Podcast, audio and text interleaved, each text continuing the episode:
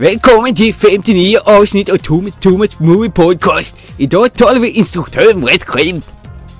Så där hade det låtit om jag hade varit en dansk filmpodcast, men det är vi inte. Och haft 2000 köttbullar i munnen tror jag. Ja, för i helvete. Ja. Yeah. Avsnitt 59 av våran eminenta podcast. Nu var det ett tag sedan eh, vi spelade in på grund av sjukdomar och eh, nu verkar det som du i andra änden inte mår så bra heller. Ja, så du får den som är den eh, rösten i mörkret här tror jag. Ja, Jag kommer göra mitt bästa.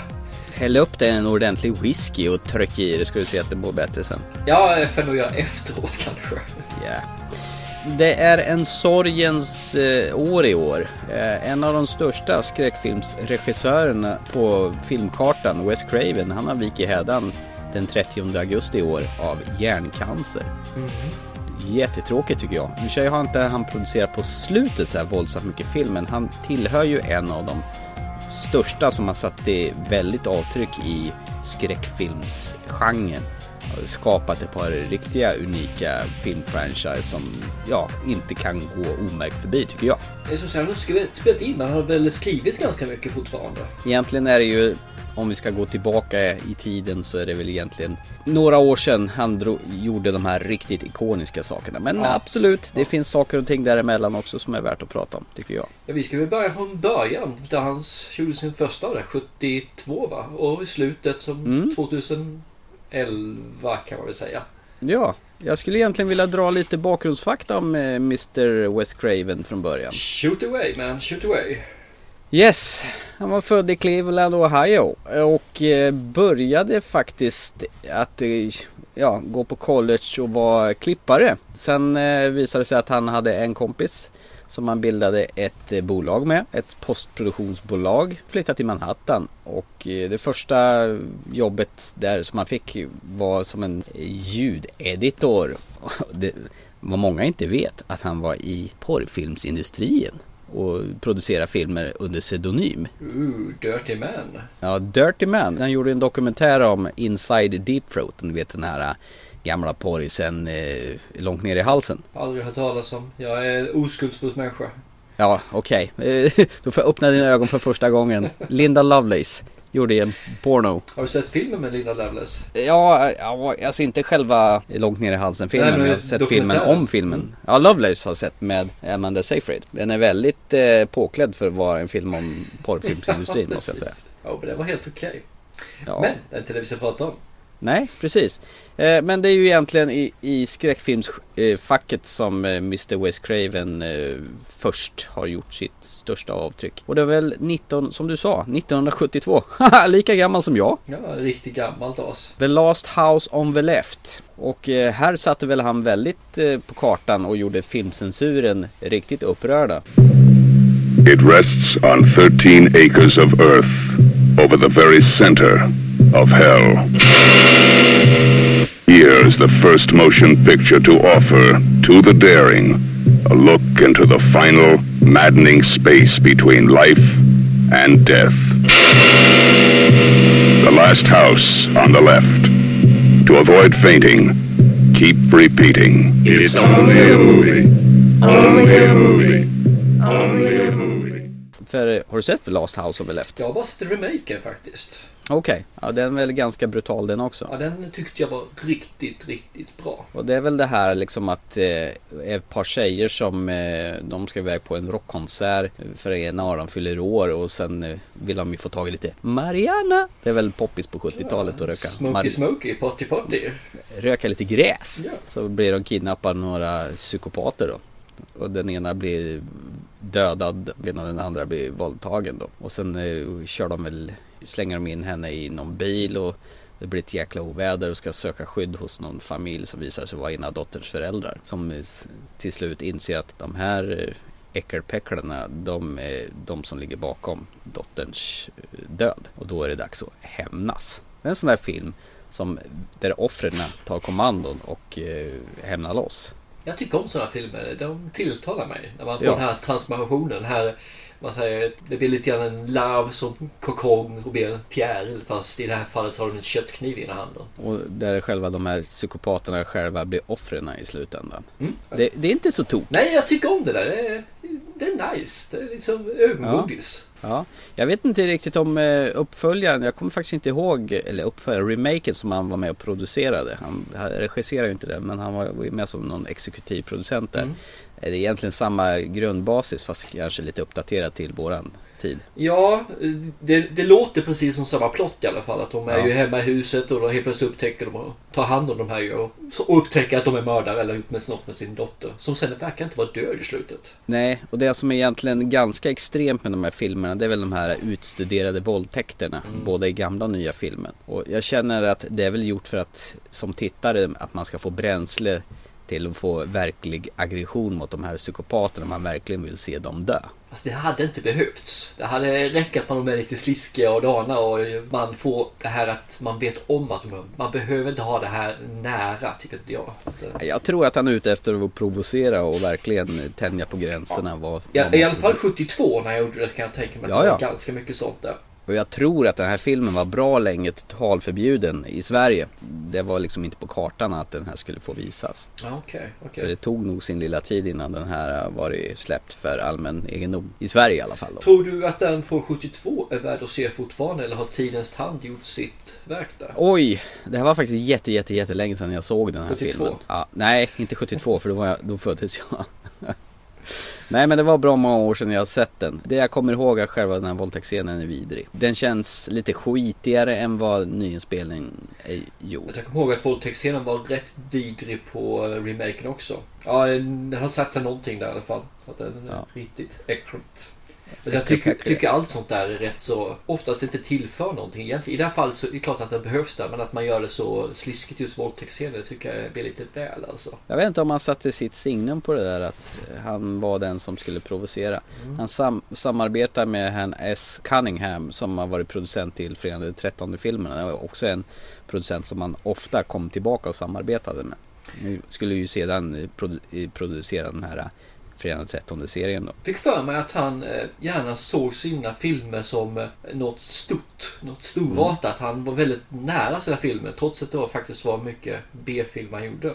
Mm. Så är det ändå det att han, jag tror han såg sina filmer som storverk. Ja, men ändå så tyckte han ju gör ganska karaktärsdrivna filmer också. Att han lägger ner tid på att skapa ett gäng olika karaktärer.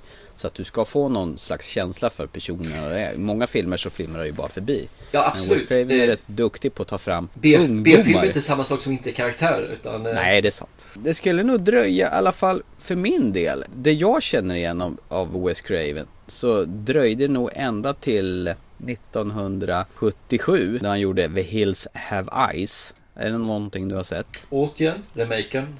Ja, okej. They wanted to see something different, but something different saw them first. The hills have eyes. Mister, don't take your family back in that area. The silver has been gone for 40 years now. Besides, there's nothing back in there but animals. We're lost. Old creep told you not to get off the road. What began as a vacation ended as a nightmare. She thought she knew what the world was all about, but nothing prepared her for this. The hills have eyes. A mother fighting for her child loses it in the worst possible way. The story of an American family who lost everything except the will to survive. Murdered, raped, burned, but not beaten.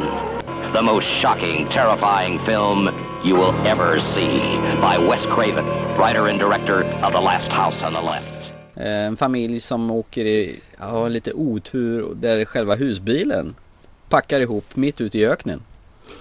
Som är, och är liksom har långt ifrån civilisation blir anfallna av någon För- galen familj Ja, va? visst är det de här eh, rätt mycket inavel jag för mig, den här familjen. Ja, incest familjefest är bara förnamnet här.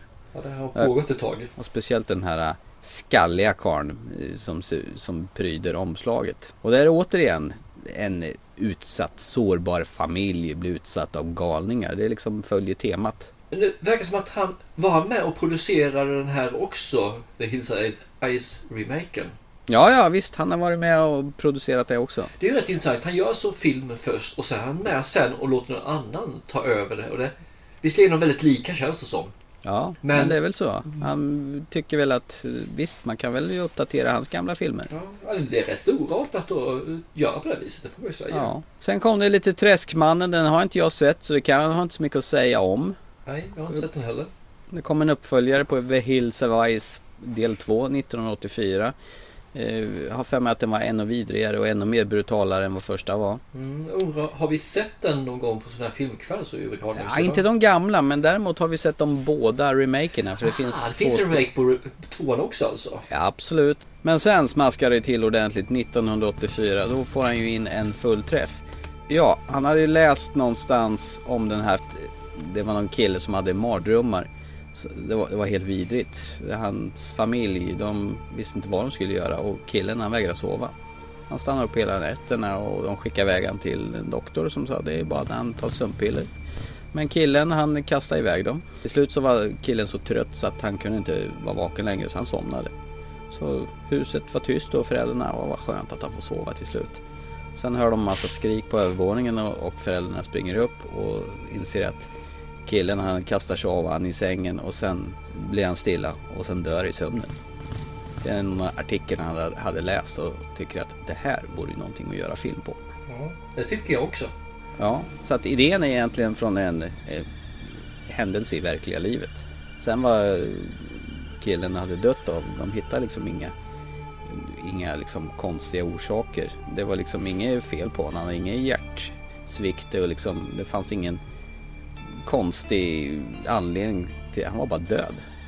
Så att eh, det var, det var ett mysterium. Så att det var ju någonting att spinna vidare på. Och det här blev filmen Terror på Elm Street. The kids of Elm Street don't know it yet, but something is coming to get them. There's something out there, isn't there?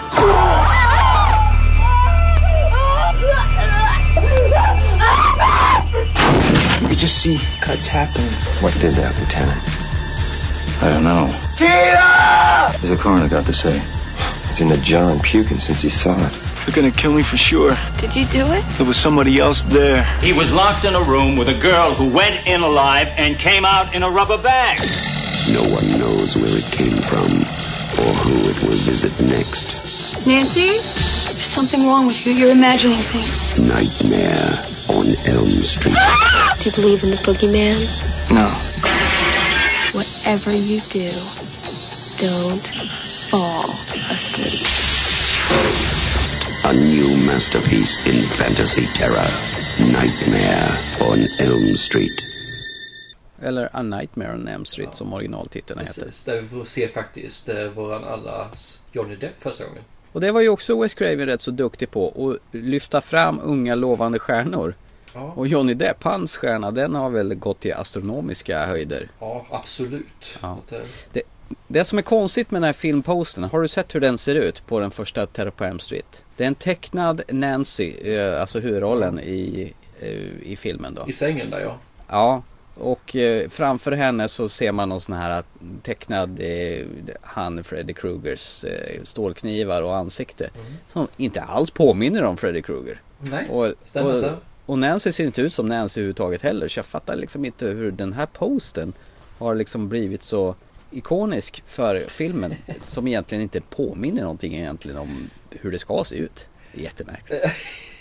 ja, har ingen med verkligheten överensstämmelse. Nej men alltså det är en sån här serietidningsomslag egentligen. Ja, de hade kanske inte råd med mer. Och här får väl Robert Englund sin, sin snurr på karriären ordentligt. Ja, det är rätt intressant att han har ju en av de kändaste rollerna i skräckfilmens värld.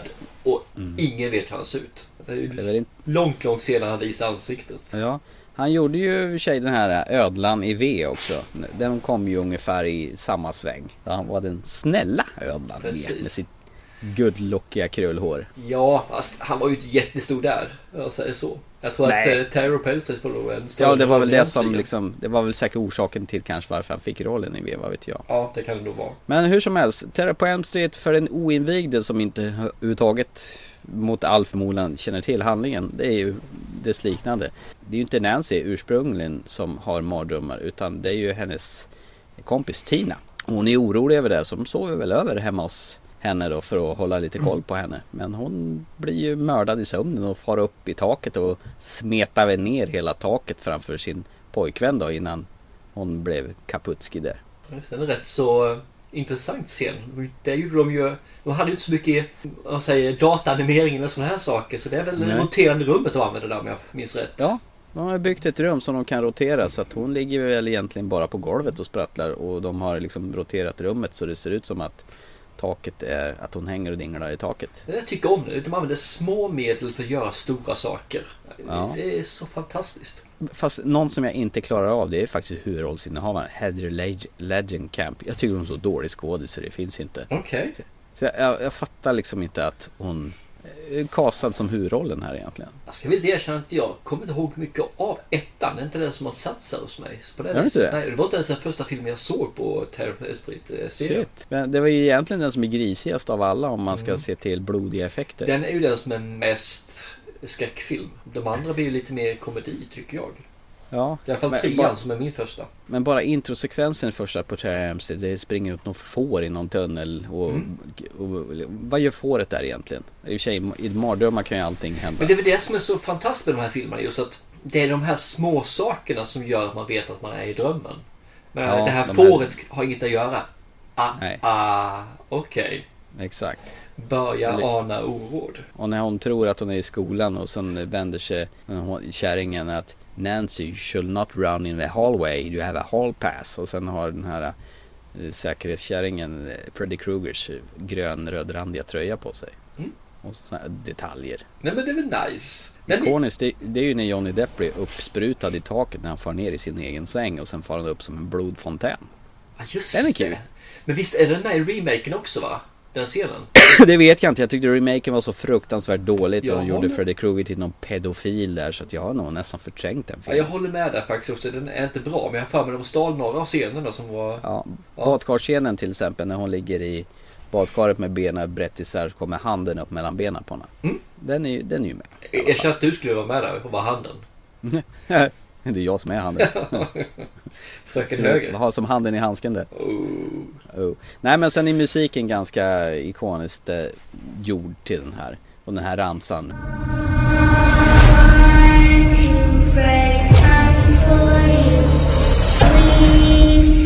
Never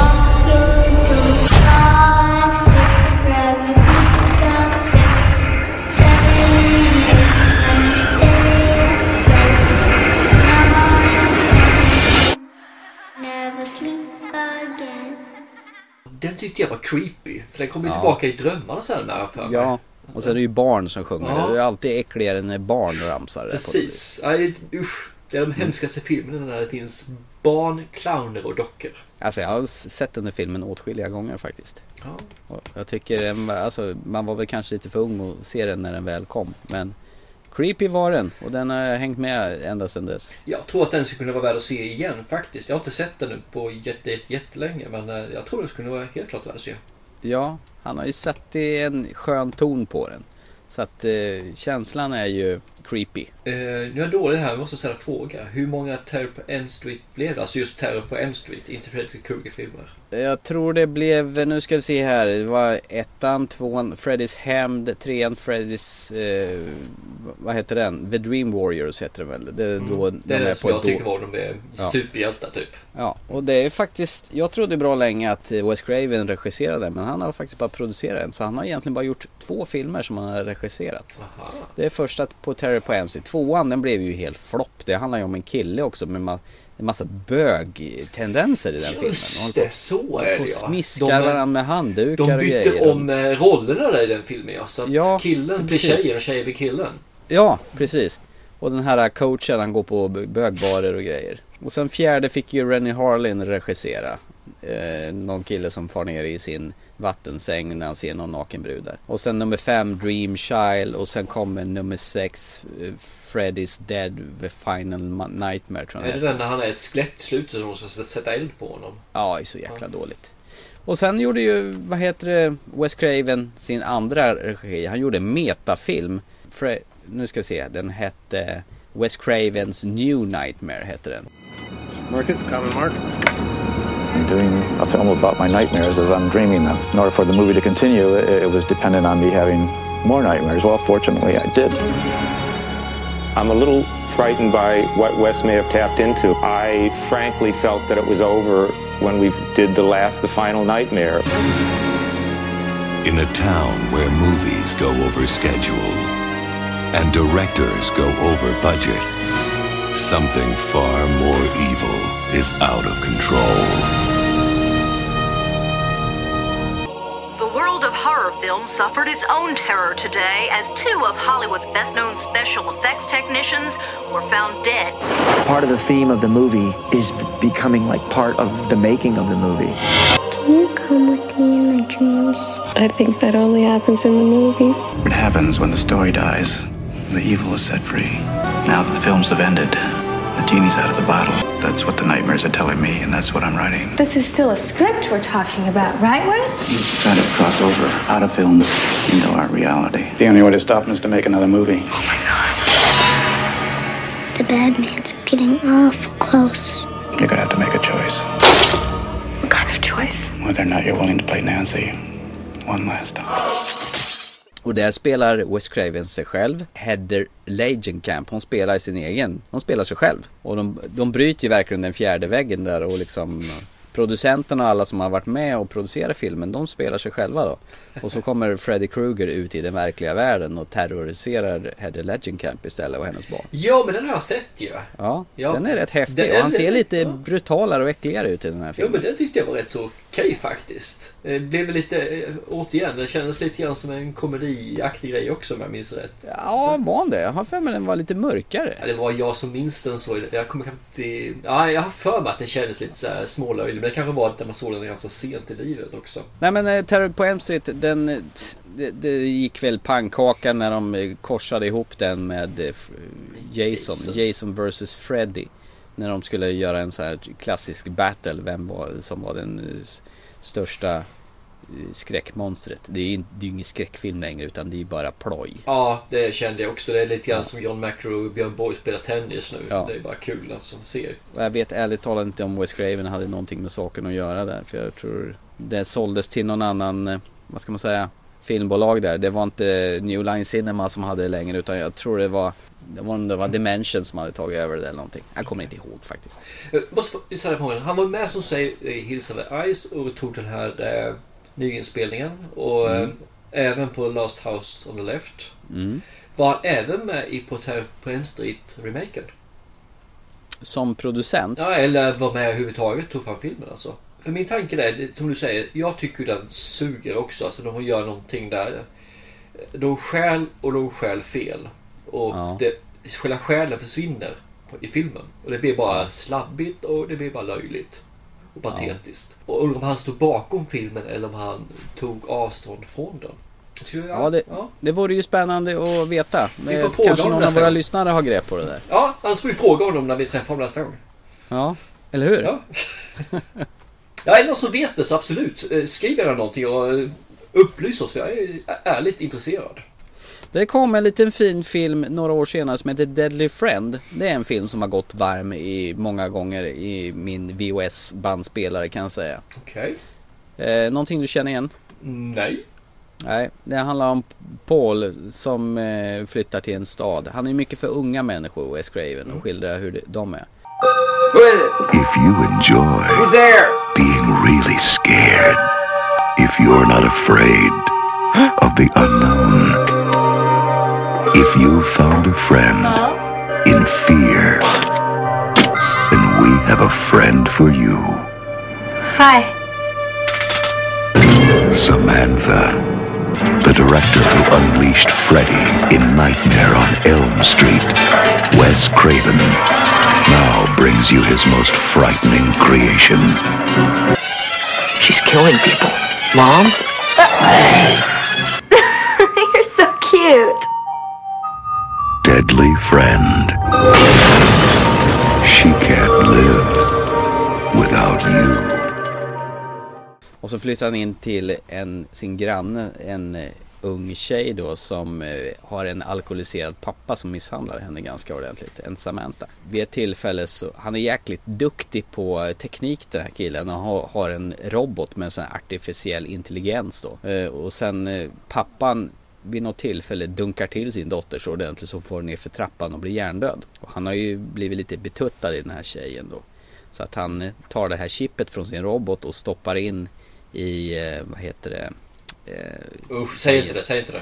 Tjejens hjärna. Ah, okej. Och den. Nej, Inte något annat. Det är bara det att hon minns ju det här chippet och hennes döda kropp börjar liksom samverka. Och hon är lite ute efter hämnd mot alla som har varit taskiga mot henne. Då. Så hon går ju loss på en riktig hemturné. Och den här filmen den var ju så sönderklippt när den kom på video så att det tog ju en bra jäkla stund eh, innan jag såg den i oklippt version. Men det var en grej som var så fantastiskt dåligt med den här filmen. Den slutar på ett jättebra sätt. Det är ett vidrigt, hemskt, otäckt slut och fruktansvärt orättvist på alla sätt. Så här som jag bara älskar. Det är bara det att i den oklippta versionen då är det en hel sekvens med som inte överhuvudtaget var med i den klippta versionen. Alltså filmen slutar på ett sätt och eftertexterna rullar. Men i den oklippta då är det en hel sekvens till då. En scen till. Men den scenen var så dum och onödig så att jag hade hellre föredragit den klippta versionen när det gäller slutscenen. Va, vad hette filmen sa du?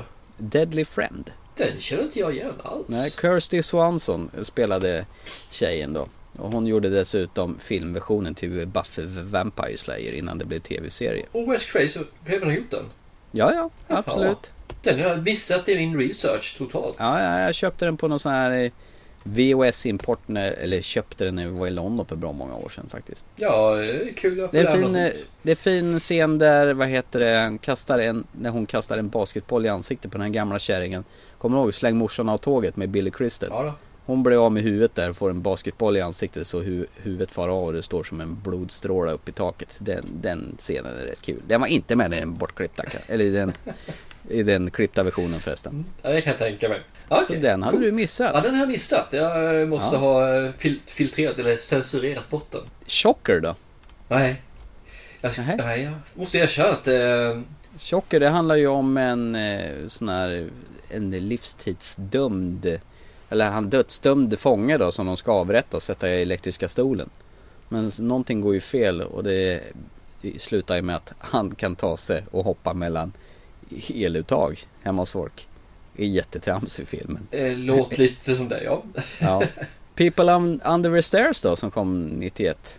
Eh, eller Ondskans hus som den hette på eh, svenska. Ja, men den har jag sett ju. Ja, det bor massa ungar under i något hus och springer och har sig. Mm. Ja, jag kommer inte ihåg jättemycket av den, men jag har sett den. En tidig favorit det var ju The Serpent and the Rainbow. Har du sett den? Eller Ormen och regnbågen Nej, som den heter den på har jag svenska. absolut inte sett.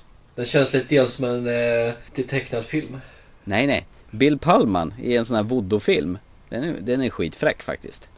From Wes Craven, director of A Nightmare on Elm Street, comes a story of the forbidden world between life and death. There's a door to the mystical. And you just walk through it. Somebody brought him back from the grave. And I want to know how they did it. Death is not the end. In the shadows of the imagination lies the ultimate nightmare. Don't let them bury me. I'm not dead. The Serpent and the Rainbow. Och han blir begravd levande. Han får någon sån här eh, serum som, eller av någon sån här voodoo-gubbe så att han, hans, liksom hela kroppen domnar bort fast han lever och är vaken och så gräver de ner honom fast han är vaken. Skithäftigt. Fräckt! En eh, grym film från 1988 så den, tillhör, tycker jag, en av de fräckare filmer som Wes Craven har gjort. Och den har jag missat. Ja, så att du får nästan ge uppdrag att se Deadly Friend och Chock, eller och eh, The Serpent and the Rainbow. Det är de två som jag eh, håller ganska högt faktiskt. Absolut ska jag göra det. Så fort du ser de andra filmerna du ska ha sett. Haha. Sen kom det ju ett riktigt lågvattenmärke med, med eh, Eddie Murphy. The Vampire in Brooklyn. Vampyrfilm med svarta skådisar. Han har sån här nästan soul glow eh, frisyr. Som kanske han fick ifrån den här Coming to America. Du vet när han är prins i New York. Ja, då, absolut. Den, Ja. den, den var helt okej i alla fall. Ja, precis. Men den här Vampire in Brooklyn, tror du inte han fick den enbart för han var ganska stor där? Ja, liksom precis. Men den är en riktig kassfilm. En Riktig. Ja. Det är Eddie Murphy och Angela Bassett. Jag tror inte ens jag såg klart den filmen faktiskt. Alltså man får ju säga att han har producerat ganska många ikoniska filmer. Mm. Eh, Som har blivit remakes också ju. Det är det som säger. I alla fall eh, tre stycken filmer hittills. Och det, det är fantastiskt kul. Det är inte många Ja. som lyckas med det i sin karriär. Sen kan man väl säga att det gick väl lite utför för den här slasher-genren framåt 94-95 då. Mm. Men sen eh, tog han ju och... Gjorde något nytt. Ja, man kan säga att han återuppfann slasher-genren genom att göra lite ironi av det hela. Ja, de drev med sig själva och lite komedi och eh, överhuvudtaget. Ja, man säger ta de här eh, citaten, hur allting går till och sätta in det i en film. Ja, och jag kommer ihåg, jag gick det här med min eh, sambo på bio faktiskt. Och den sekvensen där Drew Barrymore poppar popcorn. Har du någonsin poppat Vi kan ju säga att det är popcorn? Scream vi menar givetvis. Ja, det är väl klart. Hello? Why don't you want to talk to me? Who is this? You tell me your name, I'll tell you mine. I don't think so. What's that noise? Popcorn. You making popcorn? Uh huh. I only eat popcorn at the movies. Well, I'm getting ready to watch a video. Really? What? Oh, just some scary movie. You like scary movies? Uh huh. What's your favorite scary movie? Uh, I don't know. You have to have a favorite. What comes to mind? Halloween. You know, the one with the guy in the white mask who walks around and stalks babysitters? Yeah. What's yours? Guess. Um, Nightmare on Elm Street. Is that the one where the guy had knives for fingers? Yeah, Freddy Krueger. Freddy, that's right. I like that movie. It was scary. Wow, well, the first one was, but the rest sucked. So, you got a boyfriend? Why? You want to ask me out on a date? Maybe. Do you have a boyfriend? Um, no. You never told me your name. Why do you want to know my name? I want to know who I'm looking at. What did you say? I want to know who I'm talking to. That's not what you said. What do you think I said? What? Hello? Look, I gotta go. Wait, I thought we were gonna go out. Uh, nah, I don't think so. Don't hang up on me. Shit. Yes? I told you not to hang up on me. What do you want? To talk. Well, dial someone else, okay? Listen, asshole! No, you listen, you little bitch. You hang up on me again, I'll gut you like a fish, understand? yeah, Is this some kind of joke? more of a game, really. Listen, I am two seconds away from calling the police. They'd never make it in time. We're out in the middle of nowhere. What do you want? To see what your insides look like. Ja, tack. Eh, Scream ja. Eh, har du någonsin sett en sån här popcorn-grej på spisen med någon sån här folielock och grej som hon använder sig av? Only in US. Ja, det kan ju inte finnas här. Nej, finns bara i Här USA. poppar vi i kastrull för Ja, tusan. eller mikro. Men i alla fall, det, det hon är ensam och har sin parsfrisyr och eh, någon ringer upp henne. Och grejen var att hon var väl tydligen erbjuden huvudrolls, eh, huvudrollen, den som Neve Campbell fick. Okej. Det var bara det att hon tyckte att Nej, var det inte lite ballt om jag, Hon var ju ganska stort namn här 96 Var det inte lite ballt om jag blev dödad i introsekvensen? Och det tyckte ju faktiskt Wes Craven var rätt cool faktiskt Lite humor. Ja, så han dödar av Drew Barrymores Casey i de första tio minuterna efter att hon har blivit terroriserad av någon skräckfilmsfanatisk mördare Jag älskar ju det telefonsamtalet. Det Ja. är så helt fantastiskt. Och det. Ja. Att, eh, Jag menar, de, han får en sån här popquiz. Vem var mördaren i fredagen den 13? Och säger ja det är enkelt, det är Jason Voorhees. Fel! Det var Jason Voorhees mamma, för han blev inte mördad förrän i andra filmen. Precis. Och det var liksom kuggfråga. Ja, jag vet, me like. Det, är, det är ett av de bästa telefonsamtalen jag har haft i en eh, film någon gång. Det är väl det och phone booth. Alltså kombinationen med vad en otäck, skrämmande och humor. Det var ju faktiskt en balansgång som verkligen fungerade. De har ju mycket som eh, mina söner benämner allt det här jump scares. Nej, eh, jag tycker om den. Eh, Jag måste säga att jag tycker om eh, faktiskt uppföljaren tvåan med. Den är helt okej. Ja. Och det gör den väl egentligen en sån här copycat historia till någon som kopierar den första mördare och så tar de det här ett extrem ett snäpp längre hur man, vad heter det, ska överleva en skräckfilm. Att det finns ju vissa regler som måste följas. För en sequel är alltid blodigare än den första. Ja, Bland exakt. annat. Och det, det är ju faktiskt likadant här så hittar han ju stjärnor som eh, blir ganska stora. Du har ju Neve Campbell, hon gjorde ju någon tv-serie. Ensamma hemma tror jag hon var med i. Sen Courtney Cox, hon var ju blivit populär med vänner. David Arquette. Eh, som sedermera Cox gifte sig med, med. Sen var väl Sarah Michelle Gellar med i den här också. Och jag tror hon blir dödad i någon garagedörr eller någonting sånt där. Ja, jag kommer ihåg någonting med garagedörren där i alla fall. Är det tvåan är första mordet på biografen med hon eh, den här negressen? Oh, det kanske, jo men det måste vara tvåan va? För ettan då, då är det ju Jag tycker det är så, så. Det är så kul när hon går ur biografen sen så är hon på toaletten och sitter där så hör hon där hur någon stönar bredvid i båset bredvid ju. Ja. Och hon börjar lyssna och och man hör stödet fortfarande. Och hon vad gör de där inne? Så hon sätter örat mot eh, väggen. Och sen får hon en kniv genom väggarna in i örat på henne. Jag kan bara älska det. Bara älska. Genialt att ta den här masken som från skriket, den här tavlan. Ja. Och sen döpa filmen till Scream också. Ja, absolut. Ja. Antingen är det dålig fantasi eller så är det kreativitet utan gränser. Trean kommer jag ärligt talat inte riktigt ihåg så värst mycket. För jag såg den på Jag var på en utbildning i Stockholm på Bromma herrasår. Sen såg den på Medborgarplatsen på Filmstaden där. I liksom i, för mig den satt inget större avtryck på men den kom år 2000, tre år efter Scream 2. Ja. Kommer du ihåg någonting av trean? Eh, Är hon inte i skola då? Kanske hon är. Och jag har för mig att det är något sånt där. Hon skaffar sig någon pojkvän som helt plötsligt får råka ut för det ena och andra. Jag är lite osäker också måste jag säga. Det. De här filmerna dör ut lite grann. Och fyran har jag nog inte ens sett. Så att... Och 2011 så p- p- ju- provar de ju på att göra en nummer fyra också. Jag vet inte om man tyckte att nu har det gått så pass mycket år. Vi kollar om intresset fortfarande finns. Och fyran var bara tröttsam tyckte jag. Ja, jag såg den som sagt inte var. Så att jag, Nej. jag kände att det, det räckte nu. Jag tyckte tvåan var okej. Trean var patetisk. Ja. Ja, fyran varför? Men den har ju ynglat av sig en tv-serie.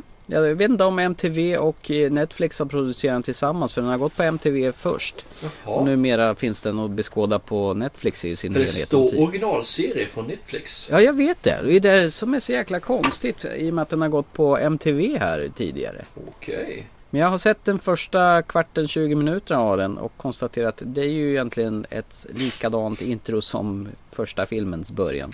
Är masken med? Ja, fast en annorlunda mask. Ja, de har gått eh, framåt lite, lite grann alltså. Ja, den ser inte riktigt ut som eh, det här avlånga facet utan han ser mer ut som en Michael Myers-mask från Halloween eller någonting åt det hållet. Okej. Jag Ja. förstår att de måste göra en förändring på den, absolut. Mm. Men eh, jag tycker om den gamla masken. Ja. Den är trevlig. Och istället för att liksom ringa i vanlig analog telefon som de gjorde i första Scream så har man ju mobiltelefoner förstås här. Absolut. Och sen använder sig om att för att visa att mördaren tittar på henne och skickar en massa videos på henne så hon ser sig själv gå igenom rummet. Ja, jag kollade trailern så jag såg just det. Så att, Ja, exakt. Och naturligtvis mycket avklätt och mycket bikini och sådana saker. det är väl MTV som du sa. Ja, en uppdaterad version för den här åldern. Men om det är bra eller inte, ja, jag, jag vet inte. Jag tittade på trailern och det kändes som att trailern gav intrycket att de slashar varandra på löpande band. Fick inga direkta känslor. För jag tycker fortfarande att i första filmen så är det väldigt mycket karaktärer där också som har lite Ja. god humor. Och det finns liksom både de här jokers och de här som är lite mer allvarliga. Och, det finns Exakt. en bra blandning. Jag tror att de har missat det hela i tv-serien faktiskt. Jag har hört lite om detta och det är väl precis vad du säger. Att det är liksom det dödas på löpande band och liksom det är inte riktigt humorn och finessen och karaktärsdriven historia som film, de första filmerna var. Men är inte det tyvärr, jag vet vi låter gamla och så här, men är inte det lite grann det som händer? Det här är gjort för ungdomar. Mm. Och då har vi tillbaka igen. Tjejerna, killarna är perfekta. Allting är helt och det ska vara lite lättklätt. Även att det fortfarande finns, det är inte så lättklätt så det blir något fel med det. Mm. Och sen finns det inget fundament. Utan det är bara fasad. Man tappar de här sakerna som eh, jag tyckte var bra när jag var yngre faktiskt också. Och tycker ännu bättre om nu när jag är äldre. Det är så, vi kanske blir mossigare och tråkigare men det måste ju vara något slags innehåll och inte bara massa slashing på löpande band utan det blir tråkigt då. Jag hoppas ju att dagens ungdomar kommer till sans också. Faktiskt ska jag säga så här. Jag Mm. älskade ju filmer som Kommando och de här då liksom. Cobra Ja, ja. som inte heller hade något fundament överhuvudtaget. Det var ju bara action och stora muskler. Mm. Så att fine, jag har gått igenom den eran också. Frågan är hur man skulle bete sig om man såg dem igen. Om man skulle tycka det var lika coolt som man tyckte då. Jag tror Ja. inte det. Jag såg ju Rovdjuret här för ett tag sedan. Med Ja men den barnen. är väl fortfarande väldigt bra, är den inte det? Den, den är helt okej faktiskt. Man får glömma bort alla effekter för de är ju helt vansinnigt dåliga. You were one ugly motherfucker. Ja, fast det, nej, men det, du, du håller med. Det finns mycket fail i filmerna. Det är 80-tal så vad fasen, allting är fail. Men Mm. eh, jag tyckte den var helt okej. Jag kunde titta på den utan att skämmas allt för mycket i 80-talet. Mm. Och barnen tyckte att den var konstig men eh, bra. Är inte den Apollo Creed blir av med sin arm? Jajamän. Bland Den annat. ligger, och den ligger och skjuter på egen maskin. Jajamän. Han Ja. skjuts av där och sen så blir han av med det ena och andra efter det. Schwarzenegger Apollo Creed, de bryter arm i början av filmen och röker cigarrer. Ja visst. Tuffa män vet du. Och har jättetunna linnen på sig fast de är militärer. Det är lite spännande. Det är så här ringbrynja-aktigt. Undrar vem tusan har det som militärer. Så. Special Forces. Du, vi driftar iväg lite grann där tror jag. Minsann att vi gjorde. Vi har ju behandlat Scream. Han gjorde ju något försök till någon sån här psykopatfilm 2005. Red Eye hette den. The white zone is for immediate loading and unloading of passengers only. Don't worry, you still catch your plane. You got, uh... Ten minutes. So are you on this? Very delayed flight to Miami. Mhm. Yep. You? Sadly, yes. Hi. Is this taken? No, it's all yours. So are you heading home? Yeah. Trying. That's actually my seat. You're kidding. You're not kidding. The name's Jackson. Lisa. So what do you do? As fate would have it, my business is all about you. I'm not sure where you're going with this. J.R. Joe Reisert. Your father Where did you get that? grabbed it off your dad's desk next to your graduation picture. You tell the flight attendant, and your dad dies. What can I do for you? She's just had a really rough day. A death in the family. Why are you doing this? Somebody wants to send a big brash message. I have to go to the restroom. Okay. I trust you. From director Wes Craven, Rachel McAdams, Killian Murphy, Red Eye.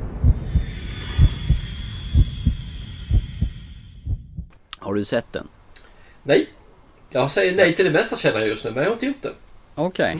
Ja, det är ju någon kvinna som blir kidnappad av en främling på, på, ett, på ett flyg. Och sen är den po- potentiella mördaren eh, pappan försöker leta på den här mördaren då, och så blir det en sån här katt och råtta lek och grejer. Så att, eh, det är han psykopaten förresten som spelar Scarecrow i den här nya Batman-filmerna som har huvudrollen. Mhm. Om du kommer ihåg vem det är. Eh, Jag kommer inte ihåg vad han heter för någonting men jag vet ju vem du menar. Exakt, jag har, han, han ser ganska pojkaktig ut i ansiktet. Och har ett så här glosy, whatever. Eh, Den var rätt okej också faktiskt. Det är fast ingen mer genuin skräckfilm utan det är mer en sån här mysterietriller. Så här katt och råtta historia. Lite åt Hitchcock-hållet faktiskt. Okej, okej. Sen gjorde han faktiskt en varulvsfilm också som heter The, Cur- The Cursed. Eller bara Cursed hette den. Och den var väl, det skulle vara något försök till komedi, skräckfilms, romantisk film.